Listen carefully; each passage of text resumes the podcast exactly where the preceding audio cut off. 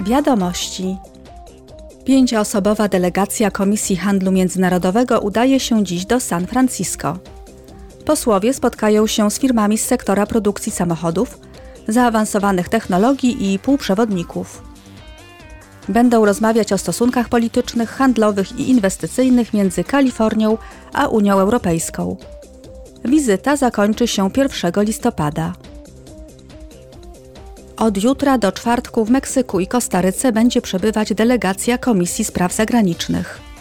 Posłowie spotkają się z parlamentarzystami obu krajów, przedstawicielami rządów i organizacjami pozarządowymi. Będą omawiać współpracę dwustronną i bieżące wyzwania geopolityczne.